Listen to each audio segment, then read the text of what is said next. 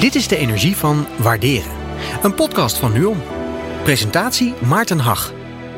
Een compliment, een klop op de schouder of een leuke verrassing als dank voor de hulp. Waarom is waardering zo belangrijk voor ons mensen? Wat doet het met ons?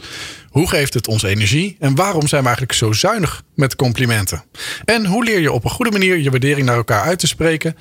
Die vragen staan centraal in deze driedelige podcastserie over de energie van waarderen. Van harte welkom, leuk dat je luistert. Tijdens deze serie staan we onder meer stil bij de rol van waardering op de werkvloer en hoe dat bijdraagt aan energiek in het leven staan. En bij het belang van waardering tussen geliefden en hoe dagelijks uitspreken van waardering je relatie een boost kan geven. In deze aflevering gaan we dieper in op het belang van waardering voor opgroeiende kinderen. Hoe doe je dat? Ook als opvoeden niet altijd even makkelijk gaat. Carolien Gravenstein is klinisch psycholoog en lector ouderschap en ouderbegeleiding aan de Hogeschool Leiden.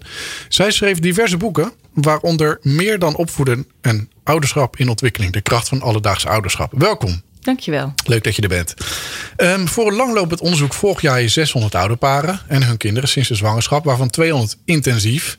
De kinderen in, de, in dat onderzoek zijn inmiddels vier jaar oud.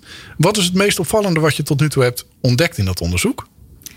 Zijn twee dingen die uh, opvallen. En dat is in de eerste instantie dat de partnerrelatie ernstig onder druk komt te staan als ouders, uh, als partners ouder worden. En uh, we weten uit veel onderzoek, internationaal en nationaal, dat bij als de overgang van partnerschap naar ouderschap, dat er dan een dip in de relatie te zien is. -hmm. In ons onderzoek was dat pas na een half jaar te zien. Toen zag je dat er een dip in de partnerrelatie was. Dus eerst zit je nog op die roze wolk van, die, van het babytje. En dan na een half jaar, dan, dan, dan gaat het mis. Nou, die roze wolk is eigenlijk een, uh, ja, een mythe. Oh. Uh, want op het moment dat je zwanger bent, heb je het idee dat het een roze wolk is. En op het moment dat je ouders wordt, dan uh, staat je toch veel uitdagingen te wachten. Ik noem het altijd alle ballen die ouders in de lucht mm -hmm. hebben te houden. Uh, en we concentreren ons heel erg op uh, het opvoeden en het positieve. Maar ouders uh, staan opeens voor de opdracht om werk met zorg voor kinderen te combineren. Financiële kwesties, de partnerrelatie. Kortom, ouders ja. hebben veel ballen in de lucht te houden. Worden daar bijna niet op voorbereid. En komen dan in een dip. Dus dat hebben we in ons onderzoek gezien. En ja. een ander opvallende uitkomst is dat uh, ouders uh, over opvoedvaardigheden van, nou ja, hoe, hoe stimuleer ik een positieve omgeving in huis, dat ze zich daar redelijk zeker over voelen, maar hun eigen levensvaardigheden. Van hoe uit ik mijn emoties naar mijn partner toe. Uh, hoe, hoe tel, tel, ik tot tien als ik heel boos ben. Hoe spreek ik mijn waardering uit? Hoe spreek ik mijn waardering ja. uit? Dat, uh, dat vinden ze moeilijk. Mm -hmm. En daaraan geven ze uh, behoefte te hebben. Ja, want ik kan me voorstellen als je dan in zo'n dip terechtkomt, dat dat ook ten koste gaat. Hè, uh, in al die, druk, die drukte, al die ballen die je omhoog houdt, ten koste gaat van, van het, het elkaar echt even goed in de ogen kijken. En zien, oh ja, wie ben je ook alweer? en Klopt, wat waardeer ik ja. ook weer in jou? Ja, plus het feit dat het aantal conflicten als je ouder, net ouders bent, acht keer zo vaak is dan daarvoor. En het aantal negatieve emoties dat geuit wordt, uh, neemt toe.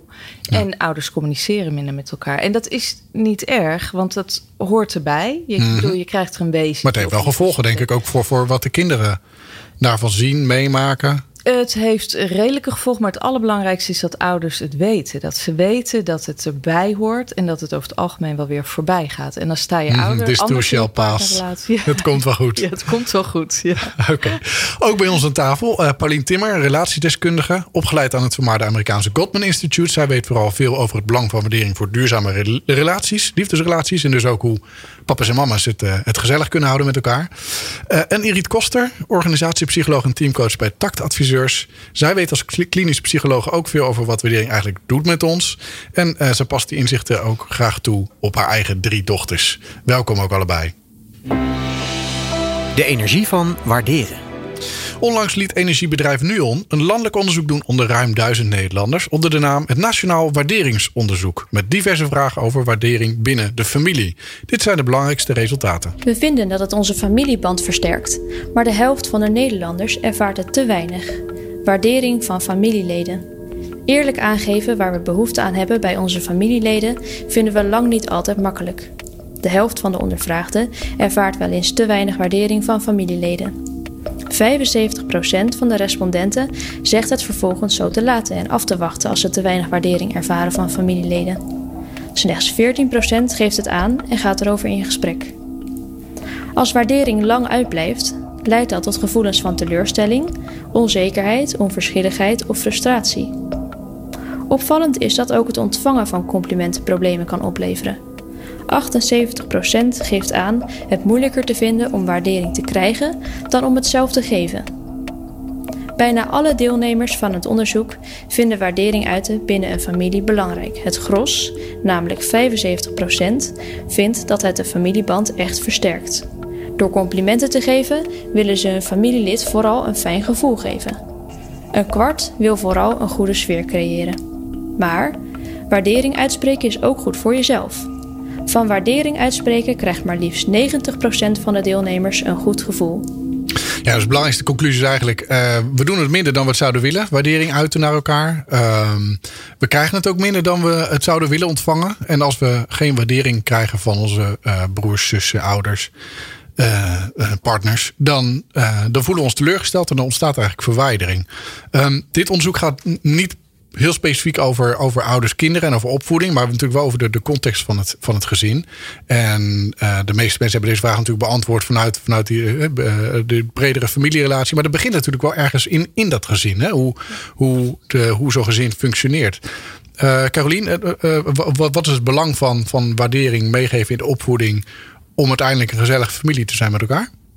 Het is uh, binnen gezinnen ontzettend belangrijk. En ik zeg uh, met nadruk binnen gezinnen, want het is zowel naar de kinderen toe belangrijk als naar de partner. En uh, we weten dat op het moment dat ouders complimenten geven aan kinderen, hun kinderen waarderen, dat dat hun zelfbeeld versterkt en dat gevoel van zelfsturing. Maar het, het doet ook veel meer. Het leert ook een kind waar het goed in is. Het leert een kind zichzelf ook beter kennen. En het doet ook iets met het klimaat thuis, een positief ja. klimaat. En daarbij is het ook belangrijk dat een kind ook ziet dat de partners ook naar elkaar toe uh, uitspreken. Dat ze elkaar waarderen, elkaar lief hebben. Ja. Want dat is een voorbeeld ja. voor, uh, voor de kinderen. De belangrijkste manier om iets aan te leren is toch altijd het voordoen, hè? Het voordoen, ja. ja. Uh, Paulien, jij hebt zelf geen kinderen, maar je komt natuurlijk wel uit een, uit een gezin. Um, wat herken jij van de resultaten van dit onderzoek? Um, nou, wat, wat wel heel boeiend is, is dat ik toen ik... Uh, ik ben enigst kind, dus ik heb, uh, ik heb geen broers en zussen. Um, maar toen ik ongeveer 13 was, kwam ik heel erg in de puberteit. En uh, ging ik het minder goed doen op school. En ging met een beetje verkeerde mensen om. En was er heel veel spanning daardoor ook thuis. Want alle aandacht was natuurlijk ook op mij. omdat er geen bliksemafleiders waren. Um, en uh, ik, ik, herinner me dat ook nog wel als dat ik dat heel moeilijk vond. Um, omdat ik natuurlijk ook gewoon mijn eigen weg aan het zoeken was. En het was echt niet dat ik mijn ouders nou per se pijn wilde doen. Maar nou ja, gewoon raar, al die hormonen. Uh, maar ik, mijn ouders hebben op een gegeven moment een heel bewuste keuze gemaakt om. Um, juist het positieve te gaan benoemen en die waardering uit te gaan spreken. En voor ja. die tijd probeerden ze het meer te doen door harder te zijn, strenger te zijn, meer controle, controle op mijn huiswerk bijvoorbeeld. En dat had echt een averechts effect.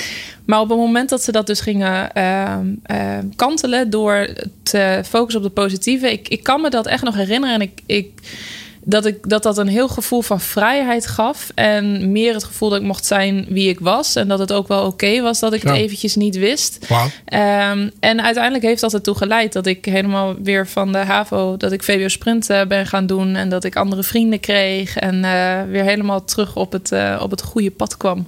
Ja, een mooie opleiding. Een master in Nederland en nog een, een opleiding in het buitenland erbij. Boeken geschreven, et cetera. Nou, het is wel goed gekomen. Het, het, ja, precies. Ook dat is weer een bemoedigende gedachte voor sommige denk ik. Dat het, dat het goed kan komen. Maar in jouw geval begon dat dus met ouders die de focus verlegden van het negatieve, wat niet goed ging, naar het positieve en die waardering ging, gingen uitspreken. Ja, ja, inderdaad. Zelfs dat toen er dus eigenlijk weinig was wat positief was. Want ik, ja. was, echt, ik was echt lastig voor ze. Ja. Uh, hebben ze dat toch gedaan. Wat een prachtig voorbeeld zeg. Ja. Dankjewel. Ja. Uh, Irit, uh, jij hebt kinderen in deze leeftijd, zal ik maar zeggen. tenminste, nou ja. Mijn oudste, oudste dochter is 14. 14, ja precies. En dan nou, die 11 is, en die is ook al redelijk aan het puberen dan, denk ik. Ja, dat is wel mee? midden in die fase Ja. inderdaad. Ja. Je ziet wel, het zijn wel enorme veranderingen. Ja. En hoe, hoe, hoe doe je dat thuis uh, met je kinderen? Hoe breng je ze waardering bij? Of hoe, hoe, zorg je dat je ze genoeg waardeert?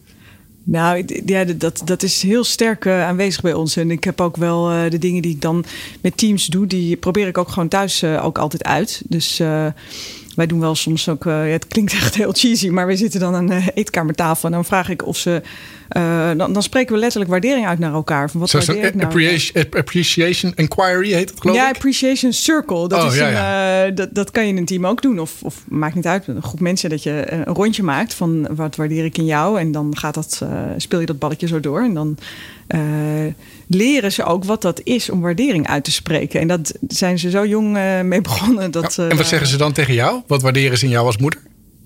Ja, dat, dat, is, dat wisselt heel erg afhankelijk van de leeftijd. Want de jongste die, die kan dan dingen zeggen van uh, je bent heel lief. Uh, en de oudste die, die kan het ook wat specifieker maken.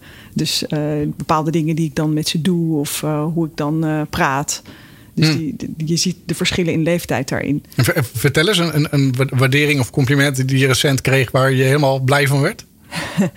nou, mijn oudste dochter zei laatst, uh, dat raakte echt enorm. Die zei, ja, het is zo fijn, want het, uh, wij zijn met liefde opgevoed. Ah. Ja, dat, daar was ik wel even stil van. Wow. Mooi. ja. Ja, het lijkt me heel bijzonder om terug te horen van je kinderen. Ja, ja. ja, ja. Oké, okay.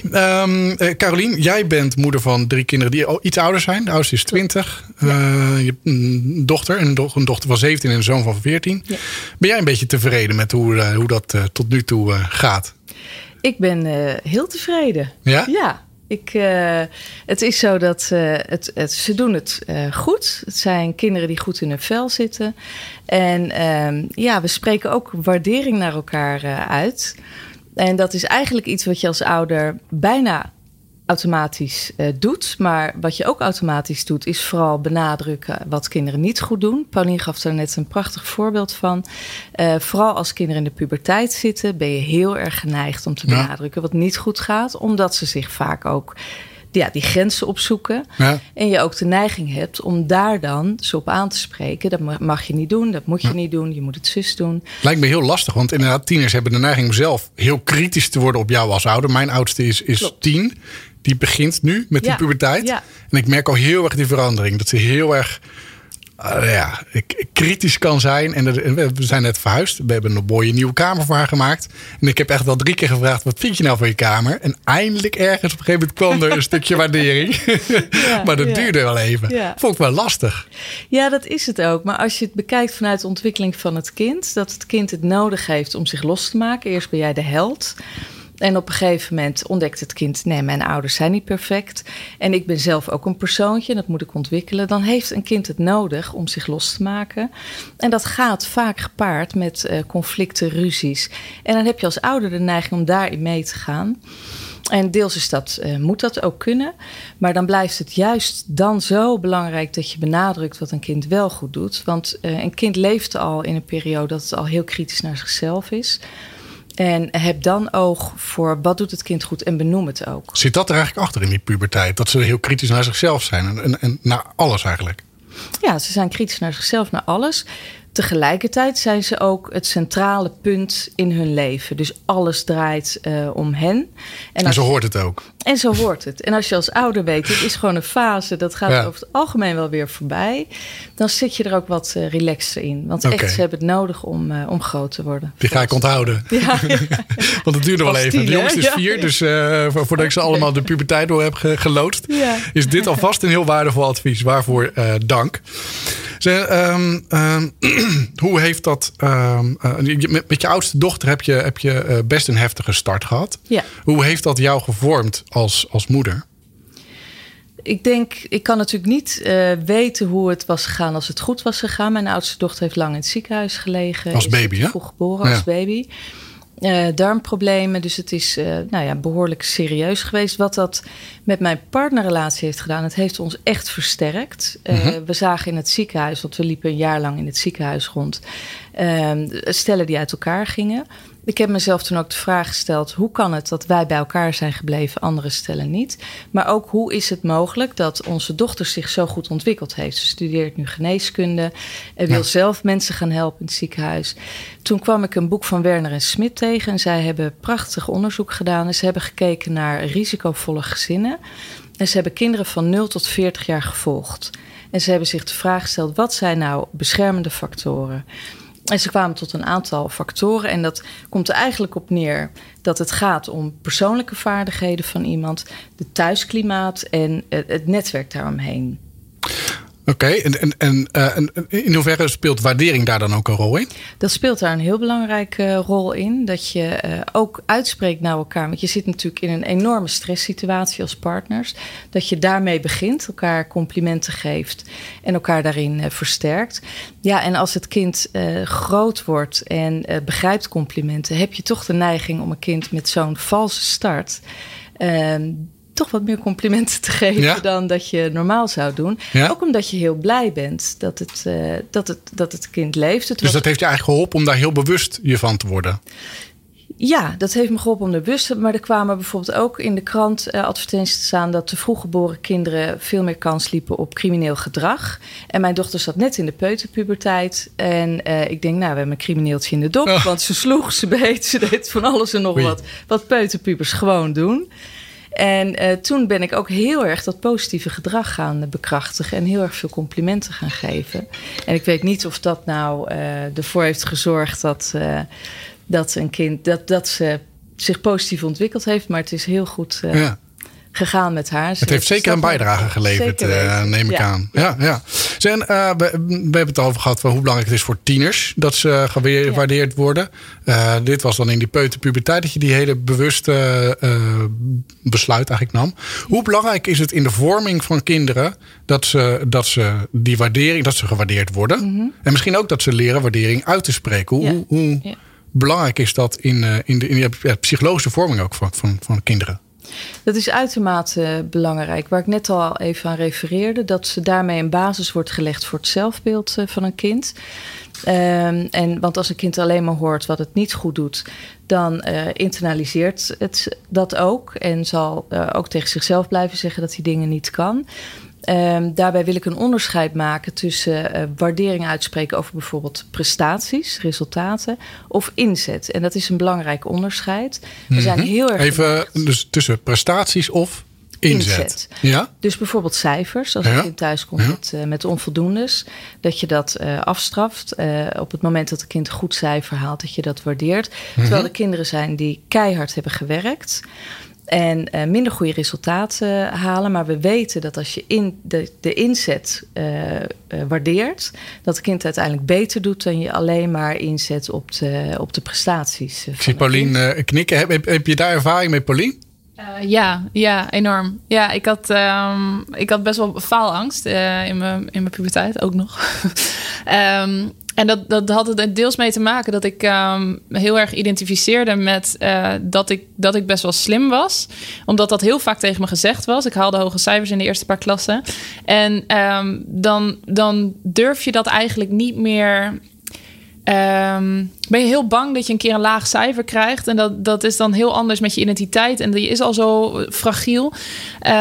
Dus toen ik dat heeft mijn vader volgens mij toen ook meer gedaan. Echt inderdaad meer op de inzet en wat, wat leer je en ben je beter dan gisteren. Dat heeft me er uiteindelijk overheen geholpen. En dat, hmm. ik las daar ook een keer dat er een onderzoek was gedaan dat uh, uh, kinderen die dus inderdaad um, in hun opvoeding heel erg mee hebben gekregen met je bent slim, je bent slim, je bent slim, dat die altijd kiezen voor de minder moeilijke opdracht als ze keuze krijgen. Terwijl kinderen die um, nou. heel erg uh, gewaardeerd werden om hun inzet en groeien en ontwikkelen, dat die altijd voor een van de moeilijkste ja gingen. Waardoor ze dus dan ook weer groeien en slimmer worden. Ja. Hmm, dus eigenlijk zoeken ze dan de weg van de minste weerstand uh, daardoor juist. Dat is opvallend. Want je zou zeggen, ouders hebben dat kind heel erg gecomplimenteerd, gewaardeerd omdat het slim is.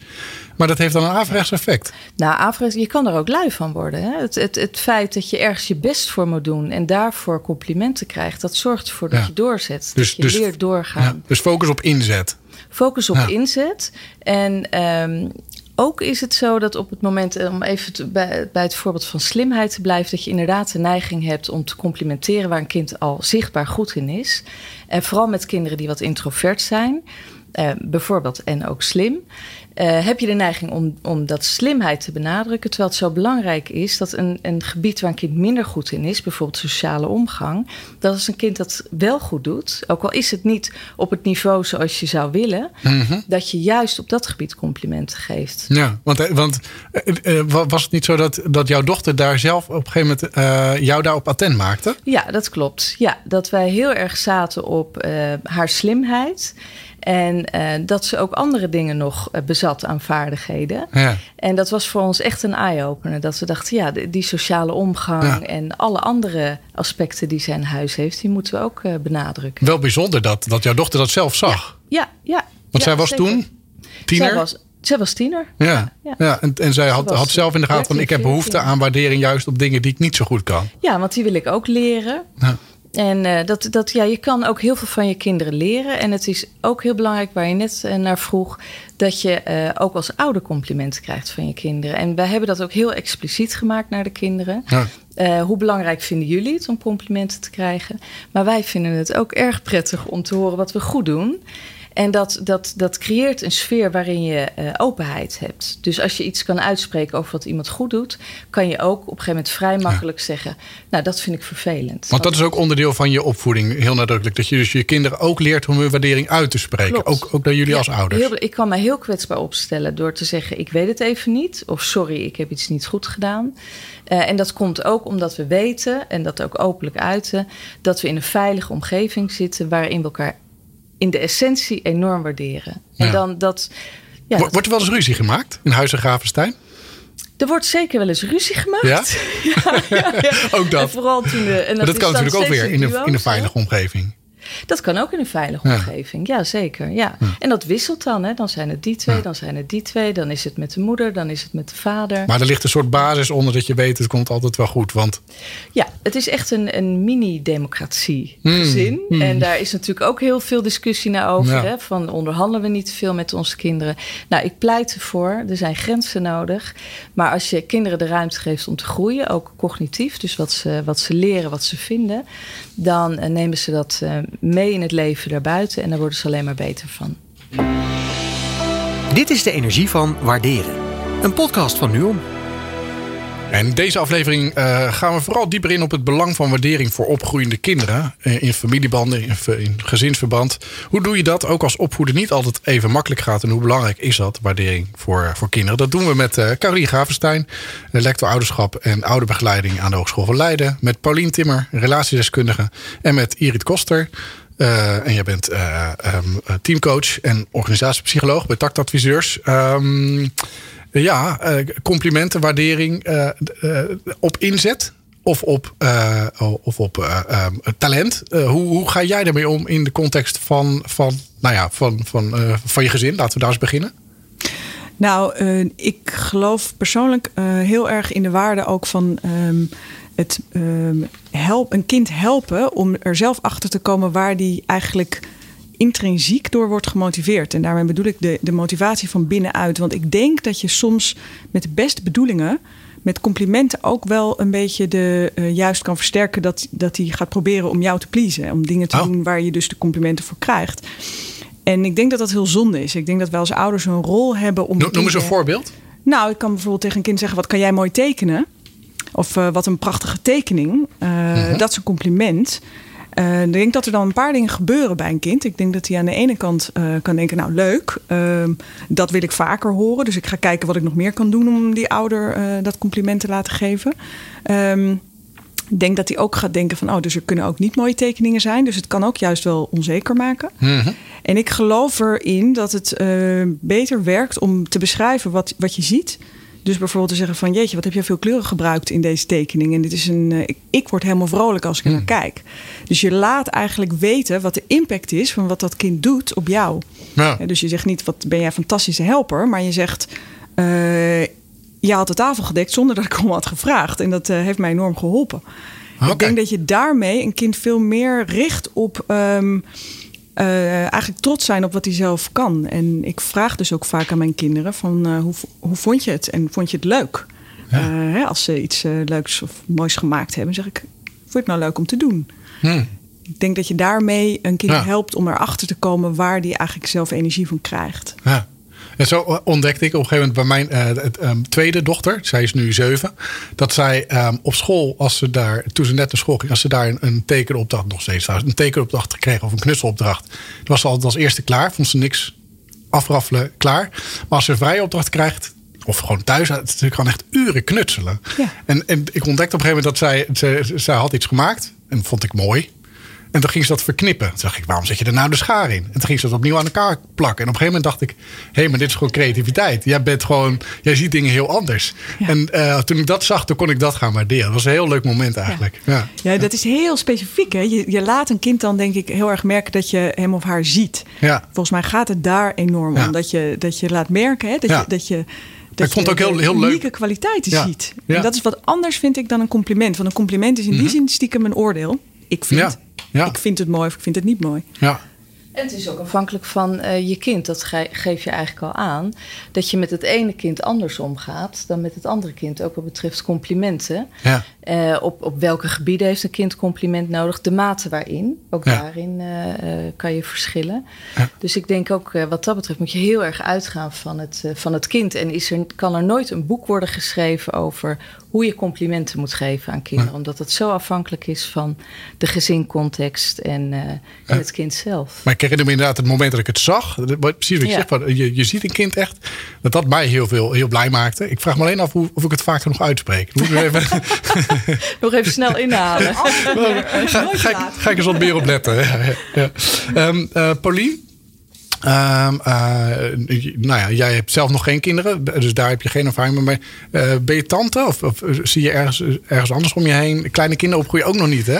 mijn vrienden beginnen nu uh, baby's te krijgen. Ja. En je hebt zelf ook wel een kinderwens, beschrijf je. Zeker. Ja. En hoe, hoe bereid je je daar dan op voor?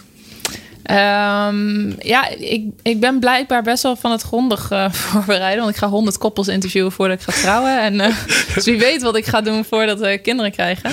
Jonge, jonge ouders interviewen. Ja, ja. Ik, nou, ik heb, al, ik heb al wel eens aan gedacht dat het me heel boeiend lijkt om... Uh, um, uh, kinderen te interviewen die hun ouders echt geweldig vinden. Die echt uh, een hele hechte band hebben met hun ouders. En dan in alle, alle leeftijdsfasen, uh, vanaf puber zeg maar tot uh, volledig volwassen. Lijkt me heel boeiend. Wat dat die heb dan... je eigenlijk ook gedaan met getrouwde stellen. Yeah. In Plus Gelukkig heb je ook gezocht naar positieve voorbeelden. Precies. En dat zou je dan ook... ja, ja, ja. maar ik, ja, ik, vind nou het, ik vind de ontwikkeling van een kind vind ik wel heel boeiend. Ook omdat natuurlijk in relaties um, neem je zoveel mee uit je jeugd. En hoe er met jou om is gegaan hoe er in je gezin, uh, hoe het gezin met elkaar omging, hoe de ouders ook met elkaar omgingen.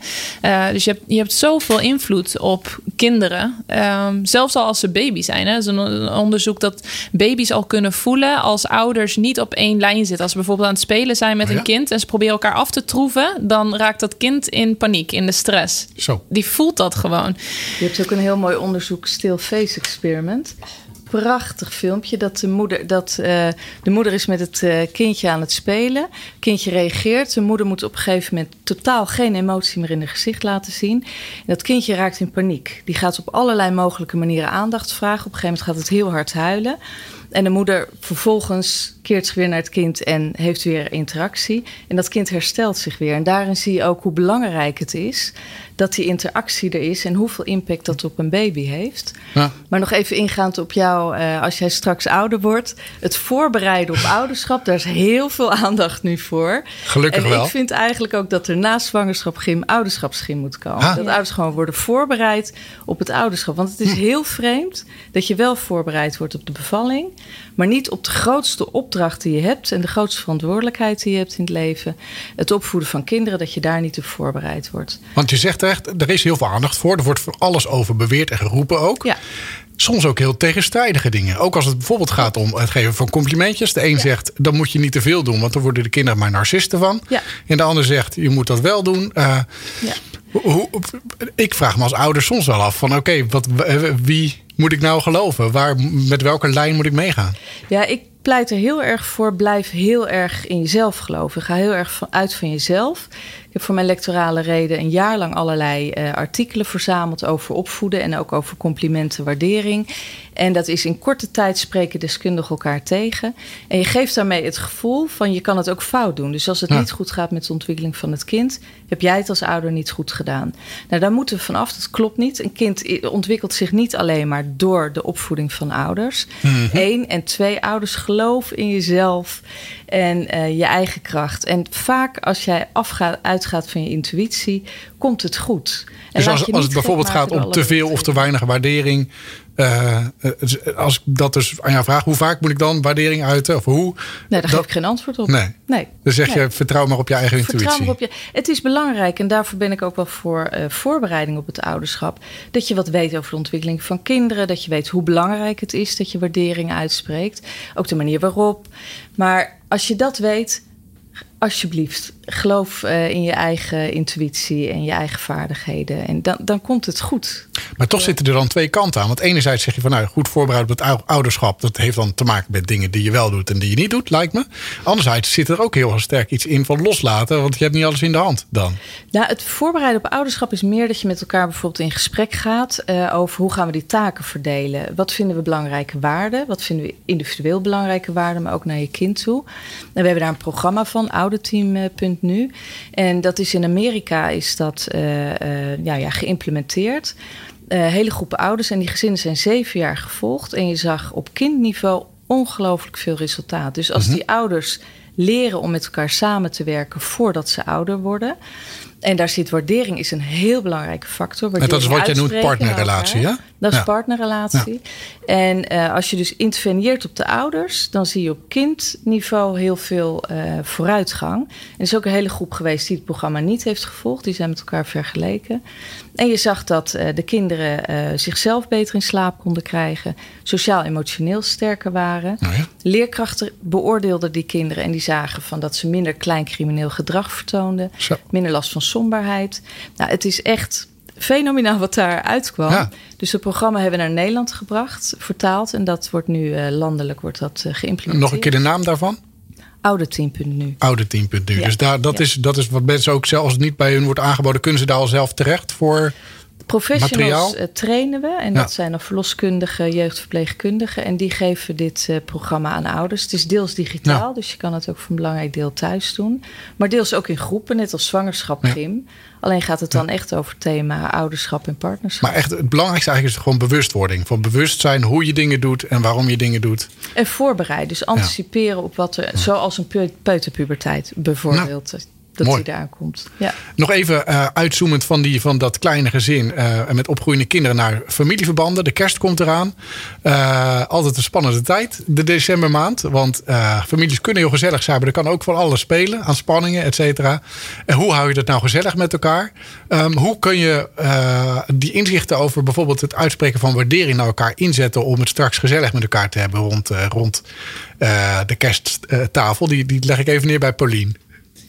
Ja, nee, je, je zou er natuurlijk een heel ritueel van kunnen maken uh, rond de kerst. Wat mijn man en ik nu al doen, is dat we aan het einde van het jaar heel erg reflecteren op het afgelopen jaar. Echt in, in allerlei opzichten. Dus op onze relatie, op uh, waar ja, onze dromen, onze wensen. En daar praten we dan ook heel veel met elkaar over. Dat, dat doe je speciaal in december. Ja, ja, en dat schrijven we dan allemaal op. Ja, en dat is dus ook niet één dag, maar dat doen we echt uh, vaker. Nou, en um, zo in november ergens hebben we ook een soort Thanksgiving dag. Niet per se op Thanksgiving, maar wel uh, dat, we, dat we uitspreken dat we dankbaar voor elkaar zijn. En, mm -hmm. um, en waar we dan dankbaar voor zijn. Dus ik, ja, je kan daar echt wel een heel ritueel van maken. Kinderen vinden dat vaak ook heel leuk om uh, een ritueel met, met echt met kaarsjes of betekenisgeving eigenlijk. Ja, ja en Irit, dat ritueel van jullie gezin met, met het dankbaarheid uitspreken of waardering uitspreken naar elkaar. Dat ja. is natuurlijk ook een hele goede voor aan de, het kerstdiner. Ja.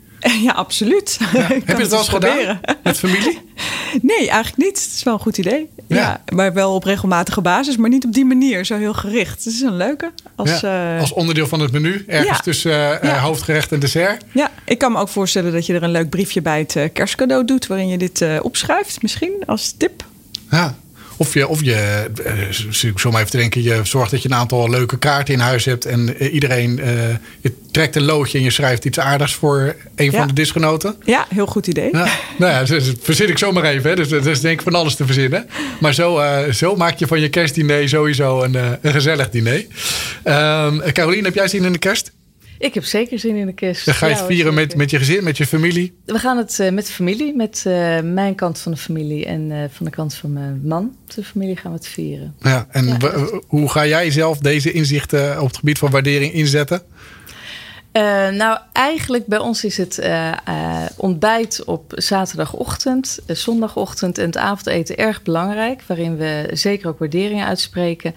En met kerst doen we dat met de hele, hele familie. En over het algemeen is iedereen altijd een goede doen en maken we er iets moois van. Soms komen we er even niet uit, maar dat maakt ook niet uit. Maar ik had wel bedacht, het is best een idee om een keer, misschien bestaat het al, een spel te ontwikkelen. Dat je op kerst kan doen om het over opvoedkwesties te hebben, eh, partnerrelatie te hebben en daar wat spannende kritische vragen bij te stellen. En met de intentie om dan elkaar vooral te, openlijk te waarderen en nog meer naar elkaar toe te groeien. Dat lijkt me Oeh, best een dat is een hele spannende. Dus misschien kunnen wij dat wel met z'n drieën gaan ontwikkelen. Kijk, hier wordt, Ja, hier wordt iets moois geboren, zeg maar, in kersttijd. Geen kindje Jezus, maar een. Een prachtig idee, ja. ja. Ja. Iets, wat, iets wat ook licht brengt, denk ik, in deze donkere maand. Ja, ja, nou, ontzettend bedankt, eh Carolien, voor jouw eh, waardevolle inzichten en je adviezen op het gebied van eh, waardering in de opvoeding van kinderen en in familieverband. Ehm eh, Irit en Paulien, jullie ook dank voor jullie verhalen. Voor jullie persoonlijke verhalen ook. Luisteraars, dank voor jullie tijd en aandacht. Onze waardering is groot. En in de andere twee afleveringen vertel ik nog even van deze serie podcasts over de energie van waarderen. Gaan we dieper in op de rol van waardering op de werkvloer. En hoe dat bijdraagt aan energiek in het leven staan. En op het belang van waardering tussen geliefden.